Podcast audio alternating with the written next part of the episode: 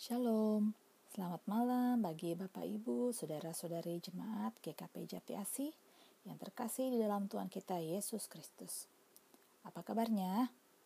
Puji Tuhan, bersyukur karena kita masih diberikan anugerah dan rahmat dari Tuhan, sehingga kita masih bisa menyapa dan bertemu kembali dalam pelayanan ibadah rumah tangga pada malam pada malam ini melalui media audio. Dan malam ini adalah ibadah rumah tangga yang kali kedua yang kita adakan pada bulan Januari tahun 2021. Baiklah Bapak Ibu, Saudara-saudari, sebelum kita mendengarkan firman Tuhan, mari kita sama-sama menyiapkan hati dan jiwa kita untuk memohon tuntunan dari Roh Kudus di dalam doa. Mari kita berdoa. Allah Bapa yang Maha Baik, saat ini kami berdoa dan memohon akan kasih serta karuniamu untuk hadir di tengah-tengah kami. Kami akan memulai ibadah pada malam hari ini. Walaupun dilakukan secara virtual dan mandiri melalui media audio, namun kiranya tidak mematahkan semangat kami untuk tetap melayani dan memuliakan Tuhan. Kami berserah ke dalam tanganmu, supaya engkau memberikan penyertaan serta hikmat dan berkatmu dalam ibadah kami pada malam hari ini sehingga hati kami hanya tertuju kepadamu. Bawalah kami untuk mengerti dan memahami firman-Mu, dan biarkanlah hati kami terbuka untuk menerima dan menjalankan perintah-Mu. Berkati ya Bapa, hambamu yang akan menyampaikan firman-Mu, agar semuanya itu boleh berkenan dan seturut dengan kehendak-Mu. Biarlah firman Tuhan yang kami baca dan dengar dapat menjadi petunjuk dan kekuatan untuk kami menjalani aktivitas di hari esok dan bagi kehidupan kami nantinya. Berfirmanlah Bapa, karena kami telah siap untuk mendengar. Di dalam nama Tuhan Yesus kami berdoa. Amin. Bapak Ibu, Saudara-saudari, mari kita membuka Alkitab kita yang terambil dari 1 Korintus 7 ayat 29 sampai 31. 1 Korintus 7 ayatnya yang ke-29 sampai dengan 31. Begini bunyi firman Tuhan. Saudara-saudara, inilah yang kumaksudkan, yaitu waktu telah singkat. Karena itu, dalam waktu yang masih sisa ini, orang-orang yang beristri harus berlaku seolah-olah mereka tidak beristri.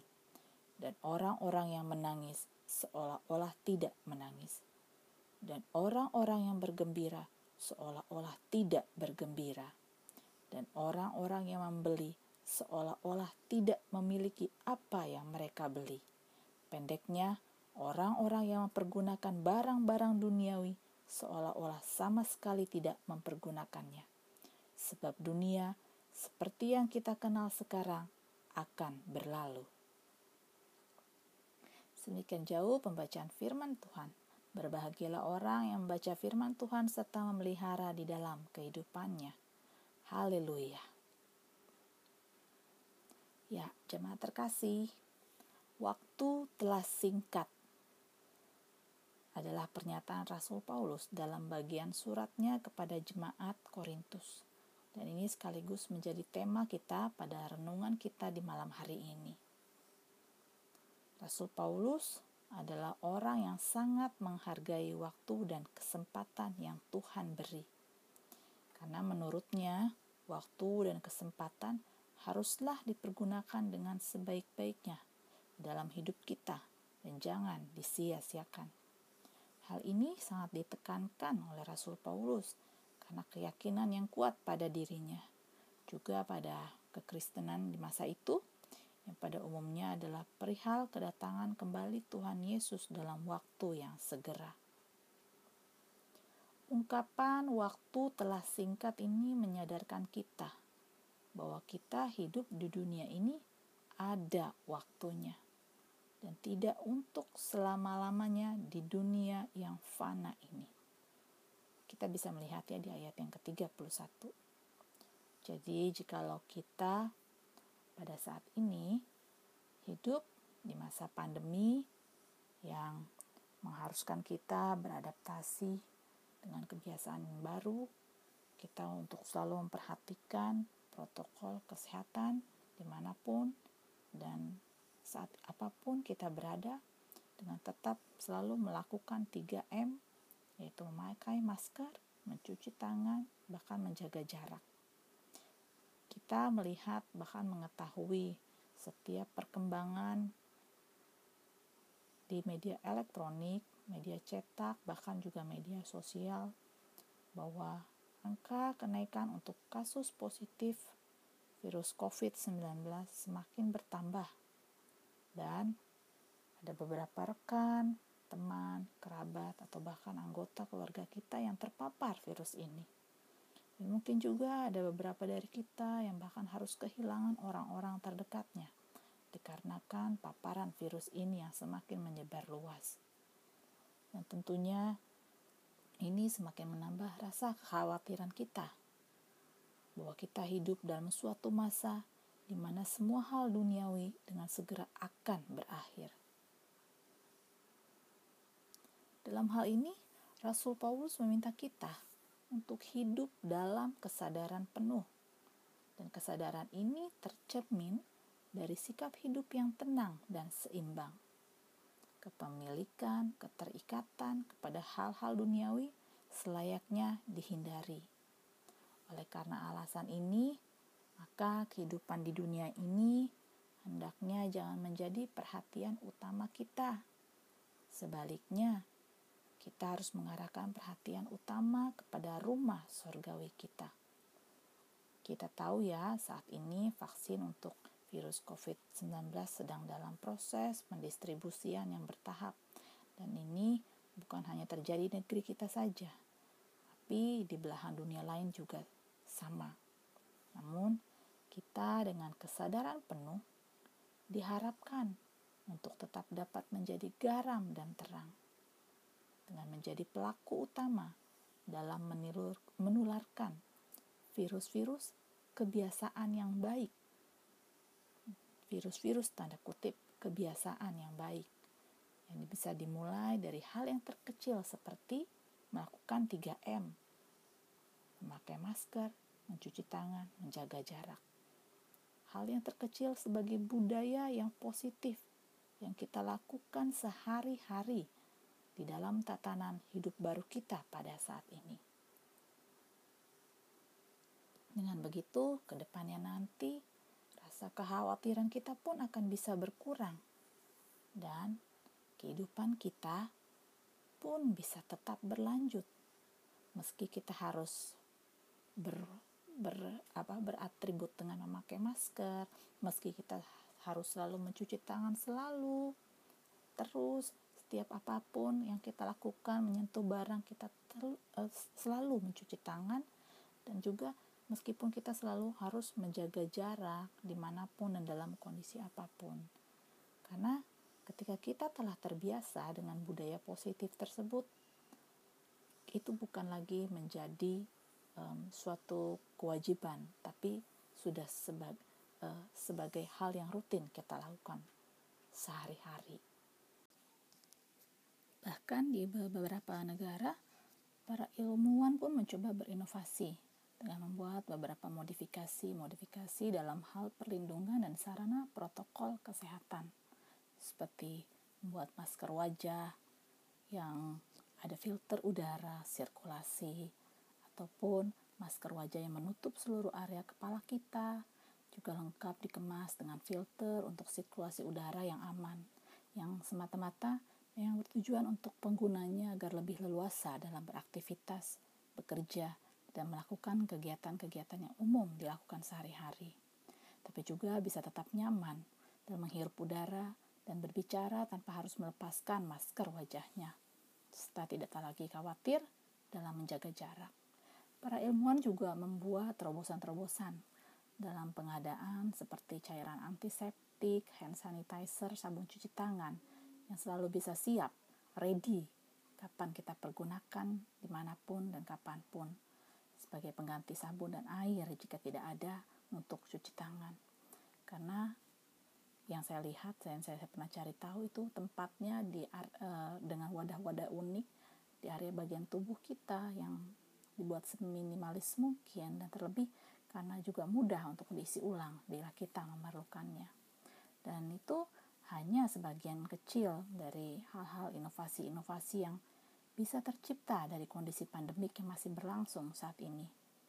Dan sama seperti perkembangan dunia digital yang semakin meluas dan merambah sampai ke pelosok-pelosok daerah, hal ini pun akhirnya akan menjadi bagian dari daftar gaya hidup atau lifestyle yang semakin membudaya nantinya dalam kehidupan kita dan terlihat menjadi hal yang wajar untuk kita jalani ke depannya. Mungkin masih ada lagi ya Bapak Ibu dan Saudara-saudari bisa mencari tahunya nanti sendiri karena saya hanya mencari sedikit untuk sebagai gambaran bagi Bapak Ibu Saudara-saudari. Karena di Indonesia kita tahu kita masih mengandalkan masker medis yang standar serta mungkin tambahan face shield, bottle hand sanitizer sebagai sarana protokol kesehatan. Melihat ini, hal positif yang sesuai dengan apa yang Rasul Paulus harapkan adalah kita tidak lagi berdiam diri dan menunggu kapan waktu Tuhan itu datang dan menanyakan keberadaan Tuhan di mana dalam kondisi saat ini. Jika di belahan negara lain, banyak yang sudah berinovasi dan melakukan terobosan-terobosan modifikasi-modifikasi untuk keberlangsungan hidup, maka negara kita pun sudah melakukan sesuai dengan kapasitasnya. Dengan menerapkan aturan dan standar protokol kesehatan yang perlu kita patuhi bersama, mengusahakan dalam pemberian bantuan bagi seluruh warganya, bahkan mengupayakan sampai pengadaan vaksinasi yang saat ini kita tahu sedang dalam proses distribusi bertahap. Lantas, apa yang perlu kita lakukan? Kita diminta bukan hanya untuk berdoa, bukan hanya untuk berdoa saja, tapi juga berserah dan berupaya melakukan karya Tuhan dalam setiap aspek kehidupan kita dengan tetap melakukan kebaikan dan menggunakan waktu anugerah dari Tuhan yang walaupun singkat tapi lebih berarti dan bisa dirasakan oleh sesama. Menjadi pelaku utama yang memberikan garam dan terang dalam menularkan virus-virus kebiasaan baik memang tidak mudah Bapak, Ibu, dan Saudara-saudari. Tapi kita tidak boleh patah semangat karena kita punya Tuhan yang akan selalu menguatkan dan mengingatkan kita melalui firman-firmannya, juga melalui orang-orang yang Tuhan percayai dan telah terlebih dahulu membuka jalan dan memulai karya keselamatannya di dunia ini. Dan kita meyakini dengan waktu yang singkat ini, walau kita tidak tahu apa yang akan terjadi esok, walau kadang tidak mudah untuk kita mengerti, dan walau kita harus melewatinya, melalui lewati badai dan cobaan, namun bila Tuhan izinkan itu terjadi, kita percaya bahwa itu semua untuk kebaikan kita. Karena Bapak, Ibu, dan saudara-saudari, kita tahu waktu Tuhan pasti yang terbaik. Kita selaku pengikut Kristus, orang-orang yang percaya kepada Allah, kita diajak dan diingatkan oleh Rasul Paulus untuk lebih fokus kepada hal-hal surgawi. Sebab dunia yang kita kenal ini akan berlalu. Maka, marilah kita pergunakan waktu yang singkat ini untuk berkarya bagi kemuliaan nama Tuhan dalam kehidupan dengan sesama, sehingga kita betul-betul bisa mempergunakan waktu anugerah Tuhan dengan lebih baik dan berkualitas untuk sesama, dan juga terlebih untuk Tuhan. Amin.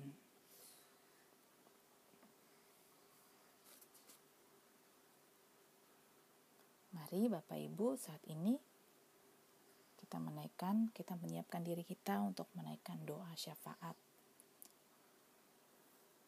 Mari kita bersatu dalam doa.